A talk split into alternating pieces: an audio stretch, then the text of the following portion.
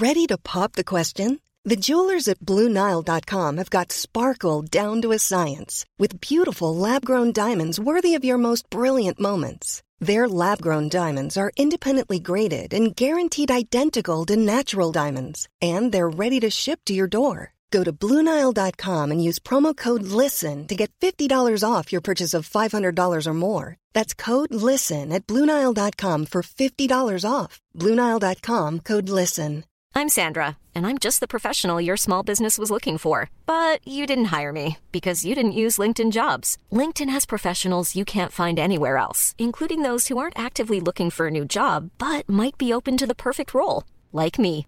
In a given month, over 70% of LinkedIn users don't visit other leading job sites. So if you're not looking on LinkedIn, you'll miss out on great candidates like Sandra. Start hiring professionals like a professional. Post your free job on linkedin.com/people slash people today. Burrow's furniture is built for the way you live.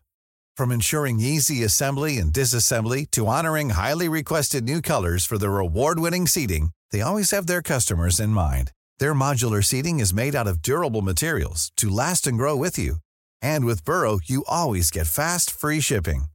Get up to 60% off during Burrow's Memorial Day sale at burrow.com slash ACAST. That's burrow.com slash ACAST. burrow.com slash ACAST.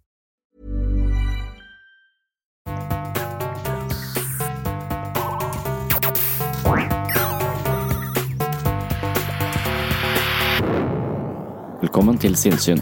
Jeg heter Sondre Risom Livre, jeg er psykolog, og dette er Webpsykologens podkast. Hverdagspsykologi for fagfolk og folk flest.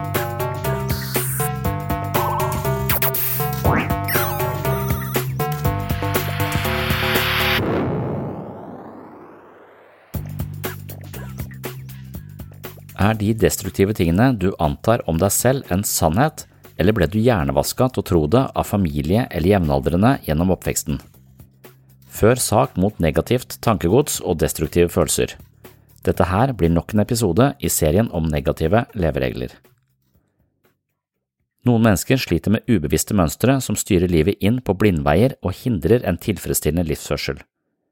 I denne episoden skal vi se på hvordan man kan motbevise eventuelle negative ideer og følelser vi har installert i vårt psykiske operativsystem. Dette her er tredje eller fjerde punktet i vår eh, episodeserie om endring av negative livsmønstre, så det handler ikke bare om de negative levereglene, jeg kommer til å gjenta litt i forhold til denne ideen eller disse teoriene til Young og Klosko, men poenget er også hvordan vi kan endre negative livsmønstre. Før vi går mer spesifikt inn på hvordan man kan motbevise egne livsperspektiver, tar jeg altså en kort oppsummering av hva fenomenet negative livsmønstre egentlig er for en størrelse. Kort sagt handler det om at fortiden lever i nåtiden. Alt vi foretar oss, og alt vi opplever, skjer i lyset av tidligere erfaringer fra eget liv. Vi tolker oss selv og verden gjennom et filter, og dette filteret er påvirka av vår egen historie. Psykologien er generelt sett opptatt av barndommen og hvordan barndommen spiller en avgjørende rolle for utviklingen av personlighet og modning mot voksen alder. Mangler, svik og traumer fra tidlig alder kan spille seg ut i symptomer som angst, depresjon og underliggende negative livsmønstre i voksen alder. Jeg skal åpne dagens episode med komiker Whitney Cummings, og det er ikke tilfeldig.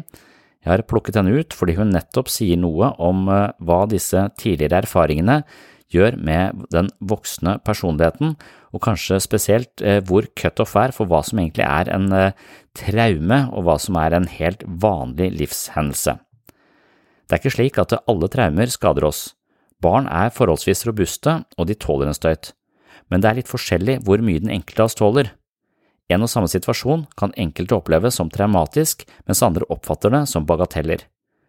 Jeg tror det er farlig å tenke at alt som skjer med oss av uheldigheter skal klassifiseres som traumer, og her tror jeg enkelte psykologer har en liten skamplett på rullebladet, idet vi i altfor stor grad er hyperopptatt av at alle ting som har gått litt skeis, kan potensielt sett ødelegge personligheten vår, og det tror jeg ikke stemmer, men jeg tror hvis vi tror at det stemmer, så kan det stemme. Så hvis vi tror at vi har blitt påført store traumer, mens vi egentlig har hatt en forholdsvis normal oppvekst med kanskje litt mobbing på skolen eller ting som selvfølgelig er ubeleilig og, og for noen også ganske forferdelig, så tror jeg likevel at vi kan komme greit ut av det, og om ikke vi kommer ut av det med noen store gevinster, så kommer vi kanskje ut av det med noen erfaringer som kan ruste oss til eh, lignende erfaringer senere i livet. Så alt faenskap som skjer, kan ikke klassifiseres som traumer. Når vi kaller noe traumatisk, kan det fort bli traumatisk, mens eh, uten denne definisjonen hadde vi ledd fint med de erfaringene uten noen form for varig men. Hvor cutoff skal ligge mellom det som bare er litt dramatisk og det som er traumatisk, er jeg usikker på, men jeg er redd for at vi lever i en tid som legger lista litt lavt. Det er også en del av poenget til Whitney Cummings.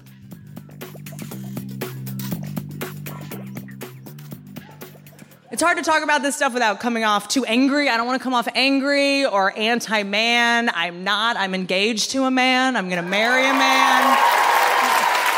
I mean, we'll see. I love him very much, but when we talk about this stuff, sometimes the conversations get awkward because he hasn't had a lot of trauma in his life. We have a very different definition of the concept of trauma, and sometimes it makes our conversations weird. One time we were talking about bad things that had happened to us in our childhoods, and I'm going on and on and on and on. And on. He cuts me off. He goes, You know, something really messed up happened to me when I was five. And I was like, Oh my God, baby, what happened?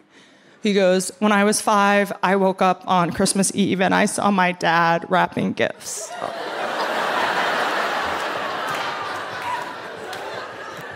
and I was like, And then he fucked you!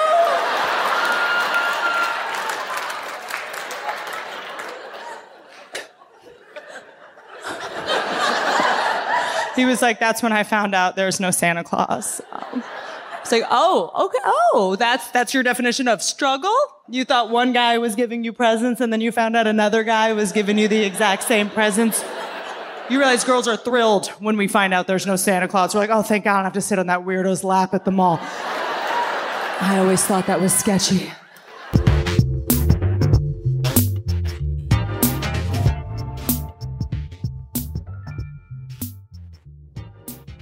Dette er altså nok en episode om negative, grunnleggende leveregler og mulighetene vi har for å endre negative livsmønstre. Jeg begynner med litt repetisjon.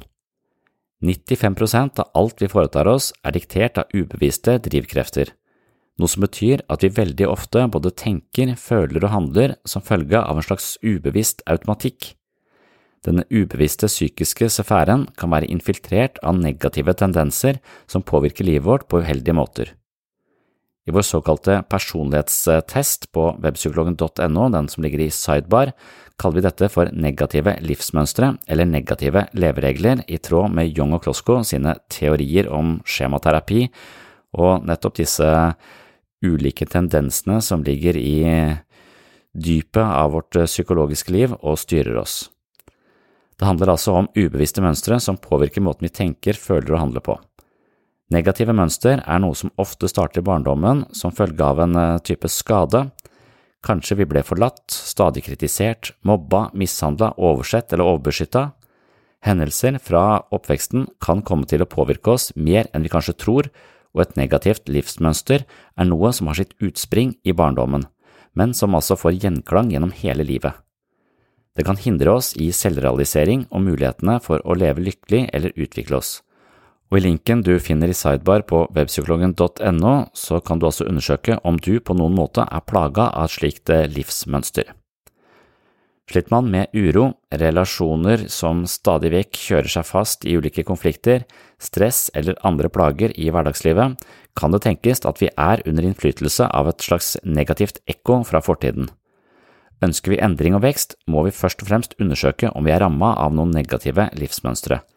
Noen tiltrekkes mennesker som ikke bryr seg, noen gir mer enn de får, noen er alltid bekymra, og noen blir aldri fornøyde. Noen tåler ikke avvisning og føler seg avhengig av andre. Hvordan blir vi slik, og kan det endres? Dette er spørsmål jeg tar opp i eh, artikkelen som heter eh, Livsmønstre som forstyrrer livet. Den finner også i kategorien eh, negative leveregler på webpsykologen.no. Der er det skrevet mange artikler om denne typen tematikk og noe av det samme er også tema i følgende vignett om levereglene som styrer våre tanker, følelser og handlinger. Og da skal vi tilbake til et eh, gammelt foredrag igjen om levereglenes psykologi. Igjen blir nok dette litt eh, repetisjon, men det er greit å ha med seg før vi går eh, videre og skal snakke om hvordan man fører sak mot sine negative livsmønstre. Det handler altså om å gå i strupen på den måten vi tenker, føler og handler på, som ikke tjener oss på en god måte. Hvordan vi gjør det, det skal du få høre mer om etter dette korte utdraget fra et gammelt eh, foredrag. Da har vi sett litt på disse eh, ideene om endring, og hvordan det kan være, være vanskelig. Det kan være vanskelig både fordi at eh, miljøet rundt oss vil kanskje motsette seg det. For det vi kommer til å, Hvis jeg forandrer meg, så forandrer jeg også noe i de menneskene i, som står meg nær, eller som jeg har en relasjon til. Så de må også på en måte bevege seg litt, hvis jeg beveger meg, sannsynligvis. Ikke sånn åpenbart, men på et eller annet, eh, et eller annet nivå. Det Miljøet vårt kan gjøre det litt vanskelig for oss, men, eh, men det som som regel gjør det vanskeligst for oss, er vårt eget, vårt eget indre operativsystem, hvor det er vår egen idé om, om hvem vi er, og, og de mønstrene som ligger dypt i oss, de ligger jo et eller annet sted. Noen sier de ligger i magen, og de snakker til oss uten at vi hører det. Men likevel så hører vi det, og de styrer måten vi tenker, føler og handler på. Selvutvikling vil være å ta disse mønstrene ut i lyset. Det er det man sier at terapi er også. Så ta trollet ut i lyset, så eksploderer det. Eller gi det et navn, så eksploderer det. Så det forteller disse folkeeventyrene oss, og det er jo det som er grunnleggende ideen i i psykologi også, at vi, vi, vi, tar det ut i lyset. Vi ser de. Når vi ser de, kan vi forandre de. Vi gjør det med nå, intellektuelt. Etterpå så er mindfulness mye om å sitte som en, et slags vitne til seg selv være. Se tanker og følelser dukke opp uten å fanges av det. Være en nøytral observatør av sitt eget indre liv, og ikke gi det noen verdi, bare, bare se det uten å, å, å, være i det. Og det er hvis vi klarer oss å hvile i denne posisjonen, at vi av og til klarer å hente inn flere perspektiver og klarer å forholde oss rolige i situasjoner vi før hadde vært eh, totalt eh, fanget av og oppførte oss på automatikk. Det er veldig mye automatikk eh, i oss. 95% er ubevisst, som vi har snakket om før, og det, det er ganske mye. Så det er bare det er disse 5% som vi ønsker å utvide og bruke mer. Rent evolusjonsmessig så, så sier de at de er ikke så gamle. De, noen sier helt med på eh, Så, så prefrontal cortex sier det er eh, Alle sånne nevrobøker er ofte sånn der eh, Hvis det, det er liksom den Gud, Gud sin finger peker ned på på frontallappene våre. Det er det som gjør oss til mennesker. Hvis, vi, hvis, det er noe eh, spesielt med oss, så er det vår evne til å hemme impulser og lage parallelle virkeligheter. Vi kan hypoteseteste. Så vi kan stoppe og si nei, kanskje hvis jeg ser for meg sånn og sånn, sånn og sånn, så kan jeg gjøre sånn og sånn isteden. Så, så det er jo det vi ofte ønsker. Istedenfor å gå på automatikk og være søvngjenger i eget liv, så ønsker vi en større bevissthet om det som, eh, det som foregår. En mer tilstedeværelse i det, i det som skjer. Men levereglene er eh, da igjen en, eh, en teori som kanskje kan anspore oss til å kikke innover og oppdage noen av disse mønstrene som vi har i oss. Og inne på, den hjemme, på hjemmesida på Webpsykologen, der har sikkert de fleste vært og sett, så, så har jeg en egen eh, Helt i sidekolonne der så ligger det en sånn der personlighetstest, tror jeg jeg har kalt det. Så man klikker inn der, så kan man på en måte score seg selv, og så kan man havne uh, ut på den leveregelen som uh, eventuelt er mest relevant for deg, eller den som scorer seg sjøl. Noen har ikke negative leveregler, men uh, de fleste av oss har tendenser til de. Og, det å kunne score seg selv og finne ut av hvilken leveregler er, er mest eller er viktigst for meg da, i mitt liv, det, det kan være en veldig god hjelp til å komme litt raskere inn i kjernen av sitt, eh, av sitt eget indre, indre, liv. Så alle, alle, de pasientene som jeg har i min jobb, de får et skjema som jeg deler ut, og så får de en tilbakemelding av meg på, på hvilken leveregel som vi kommer til å ha fokus på i behandling. Altså disse mønstrene. Så, og da ligner jeg litt på syntologikirken, og det skremmer meg litt. Hvis det er noen som har stoppa på Karl Johan og så får testa seg sjøl, så får de, en, får de en rapport på alle de tinga de feiler. Og så koster det så og så mange tusen å, å få hjelp av scientologene og rykke opp i hierarkiet. Så når jeg ser den likheten, så, så blir jeg mildt sagt litt skeptisk til min egen virksomhet. Noe som er sunt, tror jeg. Men leveregler er noe som eh, starter tidlig i livet, som legger seg som et operativsystem og kommer til å, å, å påvirke måten vi tenker og føler på også senere eh, i livet. Du kjenner det igjen på at det er mønster som stadig vekk dukker opp gang på gang i livet ditt. Freud og, og, Hvis du har sett den filmen 'Den farlige metoden' altså med, med, Freud og Jung, så sier Jung gjentatte ganger gjennom filmen at han tror ikke på tilfeldigheter. Han tror ikke på at noe er tilfeldig. Vi kan ofte forklare oss ut av mønster som hele tiden eh, Hvis vi har en tendens til å hele tiden skifte venner. Og, og så, så si ja, men det var det og sånn, og de flytta der og der, var sånn og sånn og sånn. og sånn. Så kan man ofte ha rasjonelle forklaringer på hvorfor man ikke opprettholder vennskap over lengre tid. Eh, som det var tilfeldige faktorer som gjorde det. Og Av og til så er det en del tilfeldige faktorer, men det kan også være et mønster. Og Da må man ikke kikke utover på faktorene, man må kikke innover på sitt eget mønster og se om det er noe her som sørger for at jeg på en eller annen måte ikke opprettholder de relasjonene jeg ønsker. I denne serien av episoder eh, basert på Young og Kloskos ideer om negative grunnleggende leveregler ser jeg altså på ulike innfallsvinkler til vekst og utvikling. Jeg har med andre ord fokus på hvordan man kan endre sine negative livsmønstre. I følgende skal vi forsøke å illustrere hvordan man kan føre en slags sak mot sitt eget negative livsmønster. Vi bruker leveregelen avvisning som eksempel. Problemet med et negativt livsmønster er at vi tror på det. Mønsteret har blitt en del av oss, og vi tilskriver det en sannhet det sjelden fortjener. I vignetten du snart skal få høre, gir jeg et eksempel på en leveregel som handler om avvisning og avhengighet. Det handler om Hege som mister sin far da hun er fire år, og i kjølvannet av dødsfallet blir moren deprimert og fraværende. Hege mister sin trygghet og bruker all sin energi på å gjenvinne morens omsorg og oppmerksomhet. Hun opplever på et veldig tidlig tidspunkt at de hun elsker blir borte eller avviser henne, og dette blir en forventning hun tar med seg inn i voksenlivet.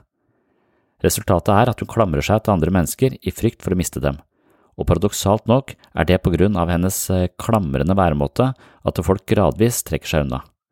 Slik blir avvisning og frykt for avvisning et gjentagende mønster i Heges liv.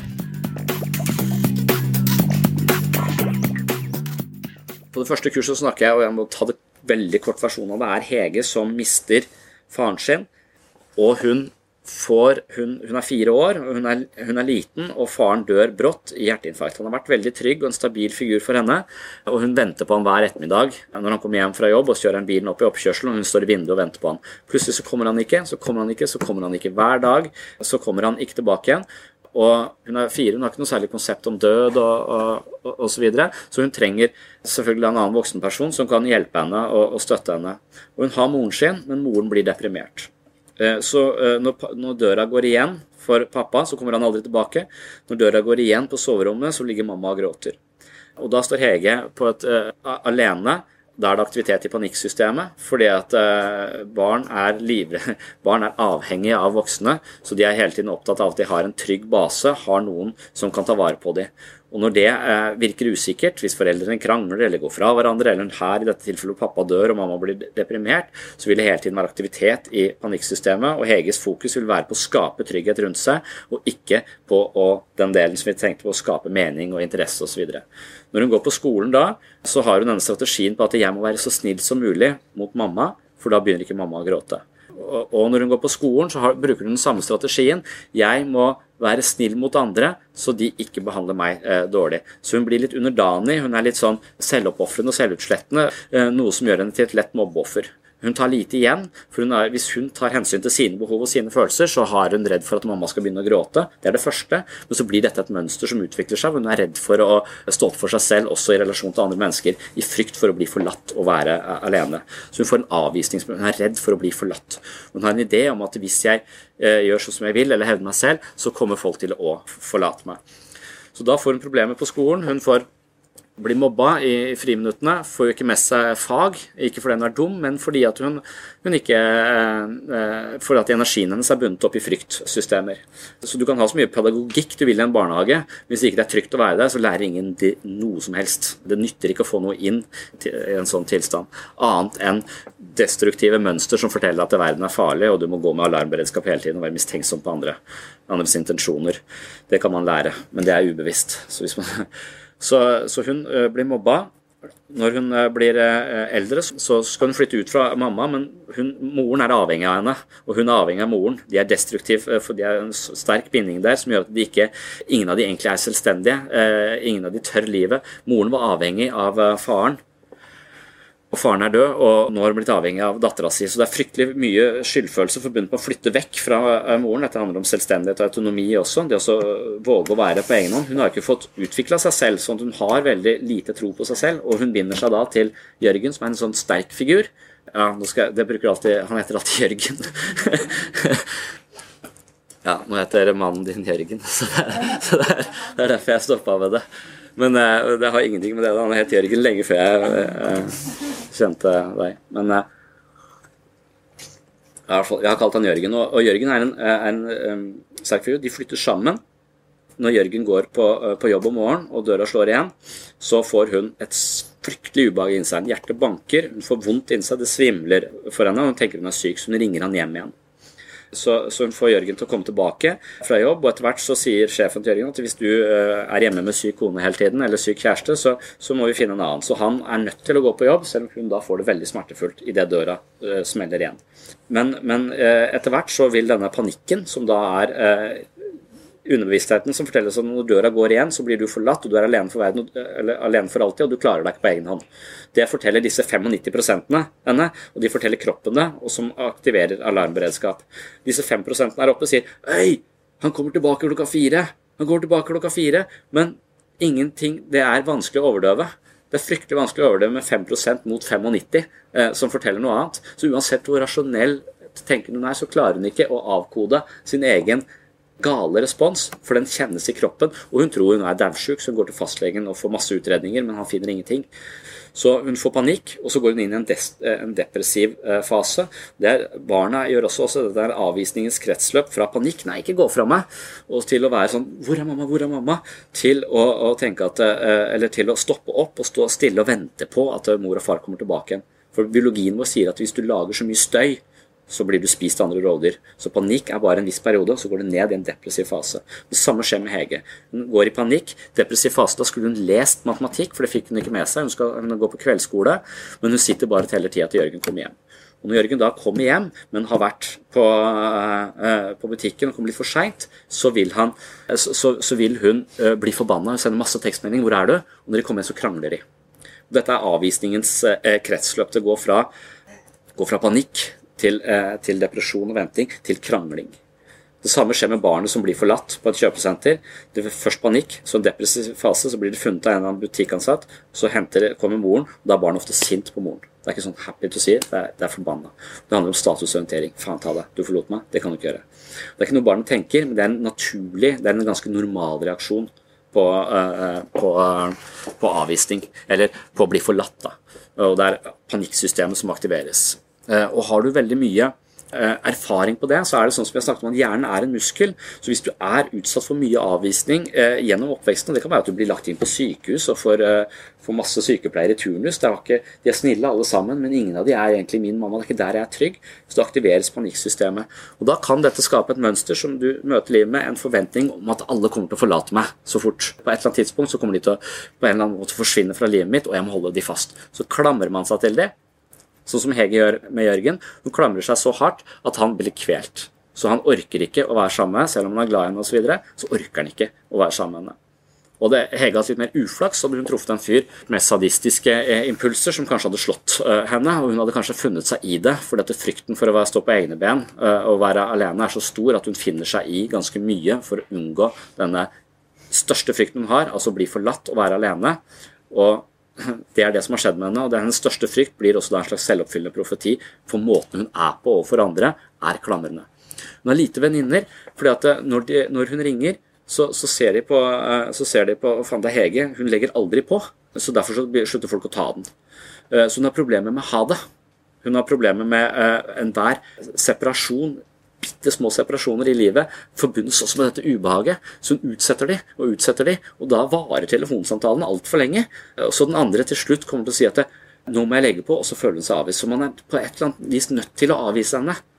Når jeg jobba på døgnpost, så var det ofte sånn at de som har denne leveregelen, avvisning, de kom alltid og spurte om et eller annet veldig viktig fem på halv fire, for det slutter klokka fire. Da var jeg nødt til å avvise dem. Og da, da Istedenfor da også bare avvise det, så man nødt til å poengtere at det, her er det et mønster som gjentar seg. Et eller annet i deg, Du er ikke bevisst at du alltid spør om et eller annet rett før når det ikke passer osv., men det er en måte å gjenta fortidens tabber på. Og Det går på automatikk, og, og, og sånn skaper vi, gjenskaper vi ideen om at ja, folk kommer til å forlate meg, nå gadd ikke han å snakke med meg, nå går han hjem, han bryr seg ikke, akkurat som alle andre bryr seg, bla, bla, bla. Så de tenker ikke dette bevisst, men det skjer i, i mørket av vår bevissthet, på en måte.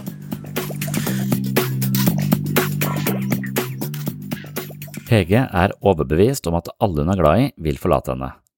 På et følelsesmessig plan aksepterer hun dette som en sannhet, og på et intellektuelt plan sliter hun også med en kronisk tanke om at hun vil bli forlatt til slutt. Når man fører sak mot sitt negative livsmønster, jobber man først og fremst intellektuelt med problemet. Man må undersøke gyldigheten i sine mer eller mindre grunnleggende antakelser. Poenget er å så tvil om livsmønsterets gyldighet. Så lenge man tror at de negative levereglene er gyldige, kan de ikke endres. Den terapeutiske retningen som kalles for kognitiv terapi, baserer seg mye på metodikk som ligner en slags psykologisk bevisførsel. Målet er å appellere til de rasjonelle nivåene i menneskets psykologi, og deretter la disse nivåene avsløre negative livsmønstre som ligger dypere begravd i menneskets psykiske liv. På denne måten vil vår mentale økonomi opparbeide seg et stadig sterkere overskudd av rasjonelle livsorienteringer, noe som videre demper uro, unødvendige bekymringer og det hindrer negative livsmønstre fra å styre livet i like sterk grad. Vi skriver mer om denne formen for selvhjelpsteknikker i en artikkel som heter Angst og magisk tankegang på webpsykologen.no. Når jeg her snakker om å føre en sak mot sitt negative livsmønster, så betyr det rett og slett at man skal utsette dette livsmønsteret for et slags avhør. Man skal sette opp en liste med bevis for at leveregelen er sann, og en liste som taler for at leveregelen ikke har en absolutt gyldighet. Det vil si at vi fører bevis for og imot. En slik eh, liste kan i seg selv tydeliggjøre at levereglene ikke representerer en sannhet, men snarere er et resultat av vonde erfaringer som har festet seg til din selvfølelse og selvforståelse som en ondarta psykisk svulst. I noen tilfeller er det imidlertid slik at leveregelen faktisk har blitt en sannhet. Noen mennesker har blitt kritisert gjennom store deler av sin oppvekst og dermed inkorporert en idé om at de er dårligere enn andre. Denne destruktive ideen fører til at de unngår å ta utfordringer som kunne skapt vekst, utvikling og mestring. Istedenfor å prøve, unnviker de alle nye utfordringer, og dermed mister de verdifull trening, og deres eh, udugelighet blir bekrefta allerede før de får prøvd. Og da er altså udugelighet i hermetegn. For jeg antar ikke at mennesker er født udugelige, men jeg tror de kan få en idé om at de er udugelige, at denne ideen kan leves ut i livet, og da mister de mengdetrening, og på sett og vis så mangler de da så mye øvelse at de rett og slett blir litt dårligere enn andre som har eh, prøvd seg og utfordra seg selv flere ganger og derfor har mer erfaring. Noen har også blitt eh, så avvist og forlatt at de ikke har utviklet sosiale evner og dermed kan virke sosialt frastøtende på enkelte områder. Her kan man kanskje klare å bevise at leveregelen faktisk har blitt en sannhet, men det betyr ikke at man er født slik, eller at man ikke har muligheten til å trene opp det man mangler. How would you like to look five years younger? In a clinical study, people that had volume added with Juvederm Voluma XC in the cheeks perceived themselves as looking five years younger at six months after treatment. Look younger, feel like you. Add volume for lift and contour in the cheeks with Juvederm Voluma XC. Reverse signs of aging by adding volume to smooth laugh lines with Juvederm Volure XC. For important safety information and to find a licensed specialist, visit juvederm.com. That's J U V E D E R M.com. Not for people with severe allergic reactions, allergies to lidocaine, or the proteins used in Juvederm. Common side effects include injection site redness, swelling, pain, tenderness, firmness, lumps, bumps, bruising, discoloration, or itching. There's a risk of unintentional injection into a blood vessel, which can cause vision abnormalities, blindness, stroke, temporary scabs, or scarring. Talk to a licensed specialist to find out if it's right for you. This Mother's Day, celebrate the extraordinary women in your life with a heartfelt gift from Blue Nile. Whether it's for your mom, a mother figure, or yourself as a mom, find that perfect piece to express your love and appreciation. Explore Blue Nile's exquisite pearls and mesmerizing gemstones that she's sure to love. Enjoy fast shipping options like guaranteed free shipping and returns. Make this Mother's Day unforgettable with a piece from Blue Nile. Right now, get up to 50% off at BlueNile.com. That's BlueNile.com. Burrow is a furniture company known for timeless design and thoughtful construction and free shipping, and that extends to their outdoor collection. Their outdoor furniture is built to withstand the elements, featuring rust-proof stainless steel hardware, weather-ready teak, and quick-dry foam cushions. For Memorial Day, get 15% off your Burrow purchase at burrow.com slash ACAST and up to 25% off outdoor. That's up to 25% off outdoor furniture at burrow.com slash ACAST. Her kommer noen relevante spørsmål i forhold til de ulike levereglene. Ble du født udugelig, eller ble udugeligheten drilla inn i deg av kritiske foreldre til du trodde det var sant? Her er det spesielt levereglene som kalles mislykka eller avhengig som er på spill. Var du virkelig enestående som barn, eller ble du så bortskjemt og dulla med at du gradvis begynte å tro at du fortjente mer enn andre? Og her er det da levereglene kobla til egoisme og selvberettigelse som også er på spill, og de kan du igjen lese mer om på webpsykologen.no. Et annet eh, relevant spørsmål kan være er de fleste nye situasjoner grunn til bekymring i forkant, eller har du overtatt en overdrevent engstelig livsanskuelse fra omsorgspersoner? Er det grunn til å møte alle nye mennesker med mistillit, eller er det erfaringer med trakassering og mobbing som farger deg i møte med nye mennesker? Og her er det levereglene som kalles misbruk, mistillit og mobbing, som da ligger som en slags eh, underliggende antagelse og aktiverer alarmberedskap og usikkerhet i møte med nye mennesker. Så hvis du stiller deg selv denne typen spørsmål kobla til den leveregelen du eventuelt eh, sliter med, så handler det da om å svare så rasjonelt som mulig på disse spørsmålene. Gjerne så kan man jo prøve å argumentere for at leveregelen har eh, en sunn berettigelse i ditt liv, og så må du da se på konsekvensene av å for eksempel unngå alle nye utfordringer fordi du er redd for å drite deg ut, kontra det å tørre å drite seg ut, bygge seg opp erfaring og på sikt kanskje oppleve mestring og mer tiltro til egne evner.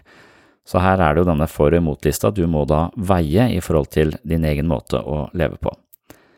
Dersom du etter nærmere undersøkelse av eget livsmønster fortsatt er overbevist om at dette er en grunnleggende del av deg som person og ikke noe som ble installert i deg som følge av vonde erfaringer eller relasjonelle traumer, må du stille følgende spørsmål Hvordan kan jeg endre denne siden av meg selv? Hjernen er som en mental muskel vi kan trene og forme med egen innsats, og det betyr at det som regel alltid finnes muligheter for positive forandringer og vekst, men det krever en aktiv innsats. Det kan du også lese mer om i artikkelen som heter Dette bør du vite om selvutvikling på Webpsykologen. Og så er det Hege, da. Hege fører altså bevis for at hun alltid har blitt eh, forlatt. I den uh, lille vignetten du hørte tidligere om Heges historie, så har vi altså tatt for oss denne historien i terapi, og i terapi resonnerte hun uh, i forhold til sin egen leveregel på denne måten. Hun hadde følgende antakelse, hvis ikke jeg klamrer meg til Jørgen, vil han forlate meg.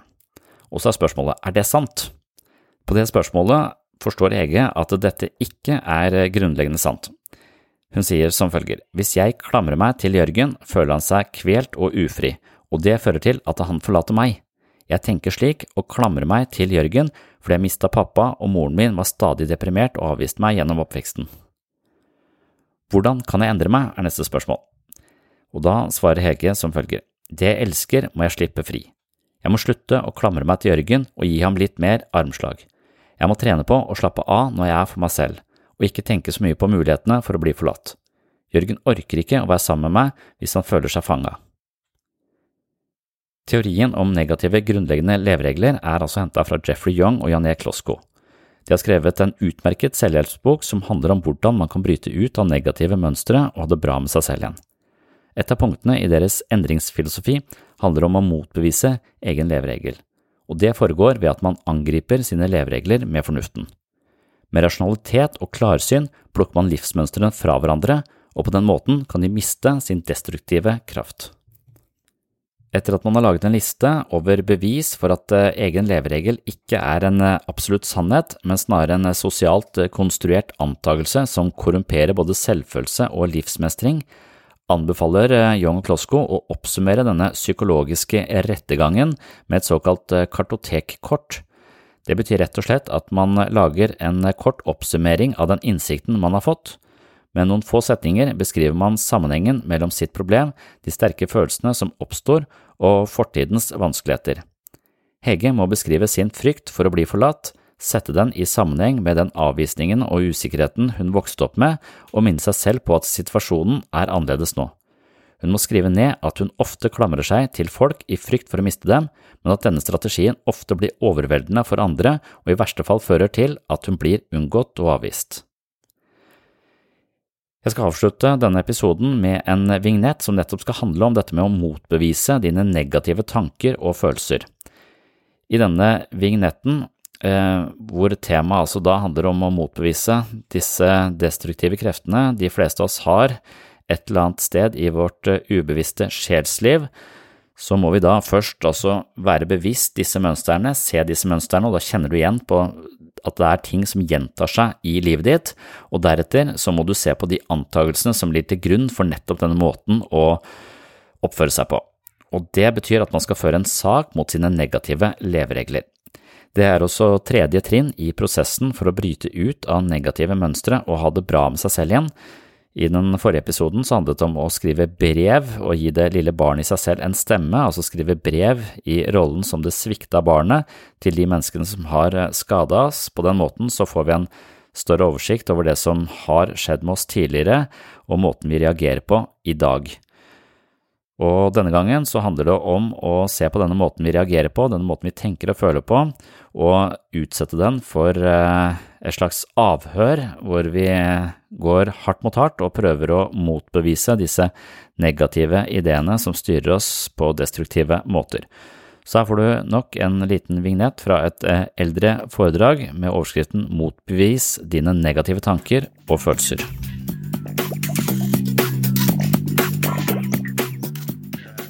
Tre handler om å føle barnet og trøste barnet. Eh, punkt eh, fire er mer en sånn intellektuell eh, oppgave. Du har et, et, negativt livsmønster som gjentar seg gang på gang i livet ditt.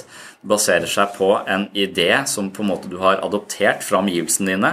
Du har kanskje følt at du er mindre verdt enn andre eller, eller mislykka, og du lever denne ideen som om den er sann. Punkt nummer fire handler om å utfordre den, din, din egen sannhet. da. Så forsøk å tenke over hvordan mønsteret virker inn på livet ditt, og prøv å argumentere mot mønsteret. Kanskje du kan avvise logikken på et fornuftmessig nivå. Tenk gjerne gjennom både fordeler og ulemper ved mønsteret.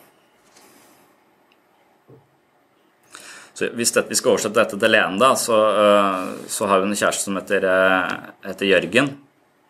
Antagelsen til Lene, som har blitt forlatt hele livet. Alkoholisert mor, far som flytta, flytta fra dem hennes grunnantagelse er at eh, jeg blir, eh, kommer til å bli forlatt. Det utspiller seg i hennes eh, relasjon til kjæreste på den måten at hvis ikke jeg klamrer meg til Jørgen, vil han forlate meg. Og så er spørsmålet er dette sant.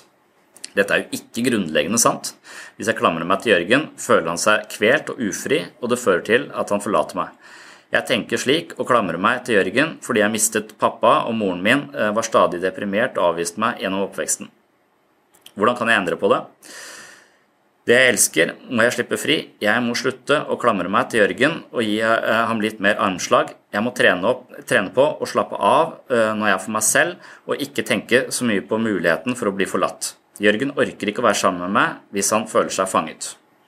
Og det går an å finne mange, på en måte veldig mange andre argumenter også, og, og det handler om å, å rett og slett innse at det vi tror om oss selv, ikke er en medfødt sannhet, men noe som har blitt inkorporert i oss i, i, gjennom oppveksten. Så lav selvfølelse eller eh, det å være mislykka eller føle at man er nødt til å prestere for å være verdt noe, er hele tiden ideer som har lagt seg som en del av vårt eget operativsystem. Det har blitt vår sannhet, som vi ofte aksepterer både følelsesmessig og intellektuelt. Eh, men det er ikke sikkert at denne sannheten er eh, spesielt god for oss. Så når vi har destruktive sannheter om oss selv som, som gjør livet slitsomt, anstrengende, så er vi nødt til å utfordre disse, disse sannhetene. Og Det er litt vanskelig. Det er, det er litt som om uh, vi har et operativsystem som tolker data på en feilaktig måte. Og, men operativsystemet er så på en måte en sånn, sånn, stor del av oss, så det er vanskelig for oss å, å, gå ut av oss selv for å se, for å på en måte installere nytt operativsystem. Vi er nødt til å gå ut av oss selv og stå utenfor og observere måten vi tenker, føler og handler på, for å klare å forandre eller installere et nytt operativsystem som funker bedre. Og, og det å avsløre disse tankefellene og disse eh, følelsene som er, eh, eh, dukker opp og ødelegger for oss hele tiden, det er, det er, smertefullt, for, det, for det vi, er å, vi, vi, er nødt til å forlate den sannheten vi har hatt om oss selv. Det er litt som å gjøre det slutt med en kjæreste. Jeg er vant til å være den som ikke får ting til. Eh, sånn, eh, sånn ser folk meg. Det betyr at ingen egentlig stoler på meg eller gir meg noe særlig ansvar, og jeg tør ikke å ta dette ansvaret, så, så, det er greit for meg å være i denne posisjonen. Det er ingen som tenker akkurat sånn. Det å føle seg mislykka er ikke noe godt, men det å gå fra å være den som alltid er mislykka, til den som lykkes, er en ganske stor ganske stort skritt. Plutselig så begynner folk å regne med deg, plutselig så må du ta mer ansvar. Plutselig så, eh, så viser det seg at denne sannheten du har hatt om livet ditt, egentlig bare er banka inn i deg av, eh, av, folk eh, som du har møtt tidligere i livet ditt. Eh, og når du innser det, og denne sannheten som du på en måte har levd så lenge, og, og ser at dette, måten jeg tolker meg selv og mine ferdigheter på, er helt feilaktig, og, det viser seg at jeg har sannsynligvis et potensial som ligger mye, mye høyere, det betyr at man plutselig er nødt til å, å akseptere seg selv på en helt annen måte, tenke på en helt annen måte, og det er fryktelig angstprovoserende. Man, man, må skape ganske, Det er ganske omveltende. Det er som å på en måte skifte, skifte helt perspektiv. Og så, som regel så er det eh, eh, forbundet med mye frykt. Eh, samtidig som du kommer til å skape endringer i deg selv som andre rundt deg kommer til å, å, kommer til å merke, og kanskje egentlig ikke helt eh, på en måte akseptere. Det er veldig ofte at familie og, og venner som er vant til å ha en de kan skylde på, eller en som ikke får det til, og, og en som på en måte tar rollen som dårligere enn alle andre. Hvis denne, denne personen plutselig skal begynne å hevde seg og få ting til osv., så, videre, så, så, så, så kan det være at de, de, mister litt av sin egen status, de som er, er, rundt, og vil egentlig kanskje på et eller annet ubevisst nivå motsette seg den, den forandringen. Det er vanskelig, men idet vi, vi ser at vi har et uh, psykisk operativsystem som, som, fører oss ned på blindveier hele tiden, så, så handler det om uh, så, Eller en del av dette vil da være å føre bevis, eller på en måte anklage dette operativsystemet, uh, og føre bevis for at det er ikke sant. Og ofte så vil bare den logikken altså jeg er alltid mislykka, så kan du finne mange eh, elementer i livet ditt hvor du faktisk har lykkes. Og da kan kanskje bare den logikken rett og slett bortvise at denne leveregelen som du lever, er en sannhet om livet ditt, snarere en slags eh, korrupt idé som har blitt installert av andre mennesker. Noen ganger så funker logikk på, eh, på den måten. Men andre ganger, så, så når jeg har forsøkt dette med, med mennesker, så, så finner jeg egentlig bevis for at leveregelen stemmer. Og av og til så gjør den jo det. La oss si at noen har blitt så forlatt og, og vært så ensomme opp gjennom oppveksten at de rett og slett ikke har utvikla sosiale ferdigheter i det hele tatt. Og, og de opplever seg selv som sosialt frastøtende. Og rent faktisk så er de kanskje det, fordi de ikke har den kompetansen som skal til for å omgås andre, andre mennesker på en grei måte. Og da, da stemmer jo på sånn at jeg er sosialt uh, lite attraktiv, så stemmer jo det. Eh, de har ikke noe trening på det. De har blitt forlatt, avvist så uh, ettertrykkelig at de ikke har hatt mulighet til å utvikle de ferdighetene i det hele tatt. Og, og sånn så kan folk da sette opp ei liste hvor de beviser at uh, min leveregel er en sannhet om mitt liv. Sånn er jeg. Men da kan man neste trinn da at er du født sånn? Eller er du blitt hjernevaska eller, eller presset inn? Fratatt muligheten til å utvikle dette her? Og er det i så fall mulig å trene det opp? Og da er som regel eh, svaret at det er det. Altså Vi kan alltid forandre oss. Hjernen er veldig plastisk, vi kan hele tiden tilegne oss eh, nye ting. Så veldig få mennesker er født uh, udugelige eller lite attraktive. eller det, det, er noe som de har blitt tvunget inn i på en eller annen måte. Og da, selv om det er en sannhet her og nå, så, så er det ikke sikkert at det trenger å være en evig sannhet. Man kan, kan forandre seg. Det samme gjelder med det å være mislykka. Altså hvis man har en grunnleggende idé om at jeg eh, mislykkes i det jeg driver med, og man hele tiden da eh, bekrefter denne ideen ved å unngå å ta ansvar eller unngå å ta på seg oppgaver hvor man faktisk kan lykkes, så vil man hele tiden eh, bekrefte sin egen mislykkethet ved at man rett og slett unnviker de mulighetene som kunne ført den videre i livet. Og da vil en også unngå å trene seg, eller bli, man, man, vil ikke få den kompetansen og den treningen man trenger for å faktisk lykkes. Og da kan det, det å være mislykka bli en slags sannhet. Men ikke en medfødt sannhet. En, en, en sannhet som bekreftes fordi man eh, tror på leveregelen sin om at man er dårligere enn andre. Så man kan gjøre mye på, på et intellektuelt plan med å motbevise sin egen leveregel. Som jeg sa i stad, 95% av det vi foretar oss, er eh, ofte generert av ubevisste krefter. Og i disse ubevisste kreftene så er det mye overtro, mange negative ideer vi har, og eh, kanskje lav selvfølelse osv. Og, så og denne delen av oppgaven, og på en måte motbevise disse negative tankene og selvfølelsene og levereglene med fornuften, i styrke fornuften vår. Og Det er veldig mye av det man driver med i terapi, er å styrke disse fem bevisste prosentene. Kanskje gjøre de litt større, sånn at de klarer å, å ikke eh, alltid leve på en, slags ubevisst impuls om at eh, jeg kommer til å mislykkes, eller jeg er ikke like god som andre, osv. Så med en gang vi klarer å styrke på en måte bevisstheten vår eller, eh, eller, fornuften vår, så kan vi avkode noen av de måtene vi tolker situasjoner på, eh, også i situasjonene. Og forstå at vi, vi, vi, lures til å tro et eller annet om oss selv som ikke nødvendigvis er, er sant. Og han der eh, Ingvar Wilhelmsen, som jobber mye med hypokondere, bruker jo dette helt bevisst, at han kun appellerer til menneskers fornuft for å på den måten bevise for pasientene sine at deres bekymring for sykdom er tullete.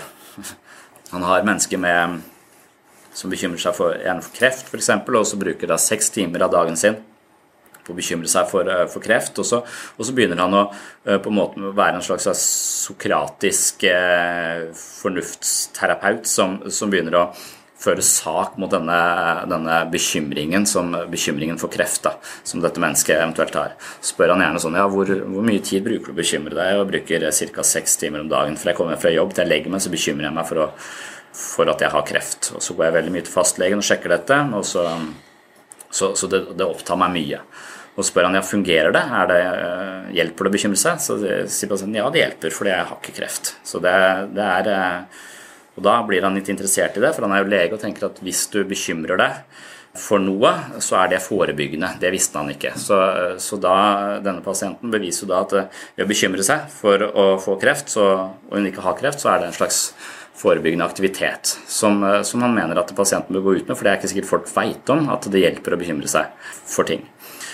Og allerede der så skjønner vel eh, denne pasienten eller denne hypokonderen at, er, eh, at han tøyser på en måte i fornuftens navn. Neste, neste, skritt er vel at han eh, introduserer eh, flere sykdommer som pasienten bør, eh, eller hypokonderen bør bekymre seg for.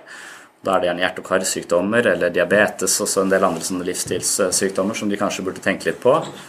Og da blir det litt sånn ja, det, tror du det? Liksom at jeg, ja, en mann i din alder bør er ganske utsatt for hjerte- og karsykdommer, så du trener ikke så mye heller, har jeg forstått. Så, så det tror jeg absolutt du bør tenke litt på. Og så tenker jeg men det har jeg ikke tid til, for jeg bruker seks, eh, seks, timer på kreft. Jeg har ikke tid til å drive og bekymre meg for diabetes og hjerte- og karsykdommer i tillegg. Altså det, og da sier han Wilhelmsen at nei, men da får vi håpe at det er kreft du får, siden det er det du er forberedt på. da. Så, så på den måten så, så, appellerer man til menneskets eh, logikk for å på en måte avkode ufornuften på de lavere nivåene, altså frykten som ligger dypt forankra i oss, og ofte eh, noe vi har med oss fra eh, disse fastfrosne barndomsopplevelsene eller usikkerheten fra, fra en svunnen tid som dukker opp og får et eller annet eh, vi, vi, fester angsten på et eller annet. Og sykdom er jo én ting å feste det på. Flyskrekk er en annen ting å, å feste det på. Han, han pleier å, I foredragene sine så pleier han å snakke om en dame som bekymrer seg når, når eh, sønnen hennes er ute og flyr. Og da er jo nesten ideen at hvis hun bekymrer seg, så holder hun ved sin bekymring holder hun flyet i lufta. Hun sitter hjemme i stua, skjelver og tenker ikke på annet enn en sønnen sin når hun vet at han er i lufta. Og så med en gang han lander, så må han ringe og si at nå er jeg landa, og da kan hun slappe, slappe av. Da sier Wilhelmsen at, at uh, han syns det er fascinerende at hun klarer å holde et fly i lufta med sin egen uh, bekymring. Og så mener han samtidig at statistikken viser at det er ikke spesielt farlig å fly, men det er livsfarlig å kjøre til og fra flyplassen. Så på veien til og fra flyplassen så bør det, det er da du bør være bekymra, for da det er fare for sønnen din. Når han er i fly, så er han egentlig trygg. Det er veldig få som dør i flyulykker, veldig mange som dør i trafikkulykker på vei til flyplassen. Så, så hun bekymrer seg attpåtil på feil sted. Da. Så da får hun også litt mer å, uh, mer å, tenke på. På den måten så kan man liksom avkode en del av det som ligger på dypere nivåer uh, i oss, med, med, disse fem fornuftsprosentene. Litt på samme måte gjør vi med levereglene. altså vi, vi, tar de fram, ser de, og så fører sak mot de. Er det sant at du er dårligere enn andre? Er det grunnleggende sant? Er det grunnleggende sant for, for Lene sin del at folk, alle du du møter, kommer til å avvise det. Før hun er bevisst sin egen leveregel, så kan det være sant. For hun klamrer seg så hardt til folk at hun blir slitsom, og da vil folk forlate henne. Så leveregelen er en sannhet, men idet hun ser at det er dette hun driver med, at hun klamrer seg så hardt til folk i denne frykten for å miste henne, så paradoksalt nok så skjer det hun er mest redd for, altså hun blir forlatt. Og da trenger det ikke være sant lenger.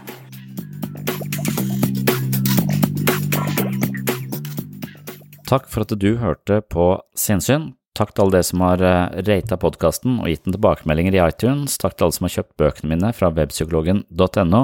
Og tusen hjertelig, hjertelig, hjertelig takk til alle dere som er Patrion-supportere.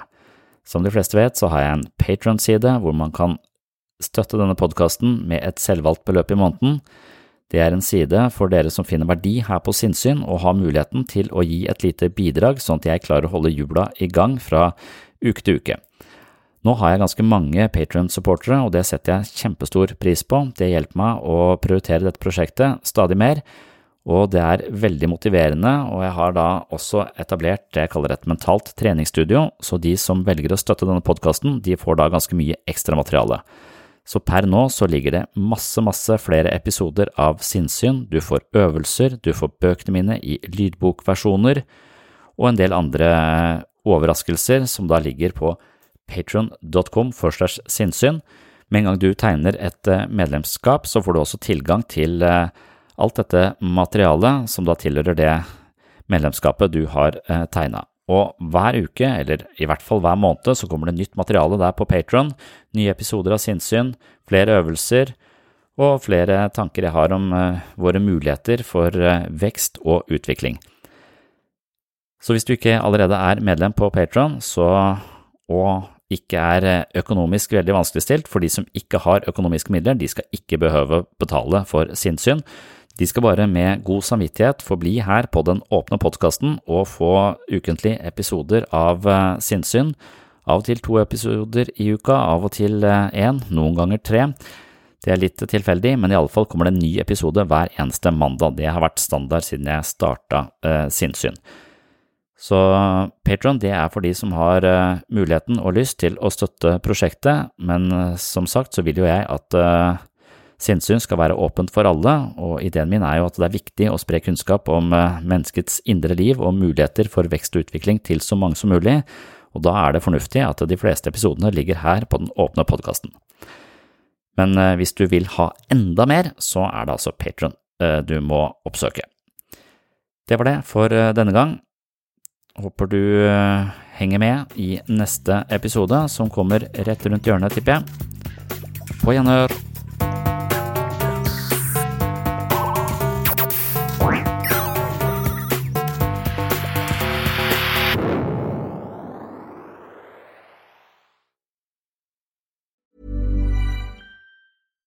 Hi, I'm Daniel, founder of Pretty Litter. Cats and cat owners deserve better than any old fashioned litter. That's why I teamed up with scientists and veterinarians to create Pretty Litter. Its innovative crystal formula has superior odor control and weighs up to 80% less than clay litter. Pretty Litter even monitors health by changing colors to help detect early signs of potential illness. It's the world's smartest kitty litter. Go to prettylitter.com and use code ACAST for 20% off your first order and a free cat toy. Terms and conditions apply. See site for details.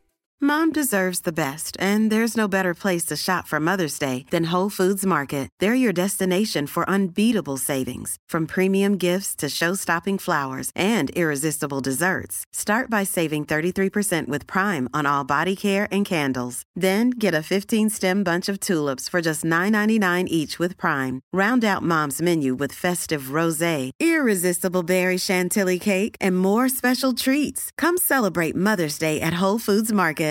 Imagine the softest sheets you've ever felt. Now imagine them getting even softer over time. That's what you'll feel with Bowl and Branch's organic cotton sheets. In a recent customer survey, 96% replied that Bowl and Branch sheets get softer with every wash. Start getting your best night's sleep in these sheets that get softer and softer for years to come. Try their sheets with a 30-night guarantee. Plus, get 15% off your first order at bowlandbranch.com. Code BUTTERY. Exclusions apply. See site for details.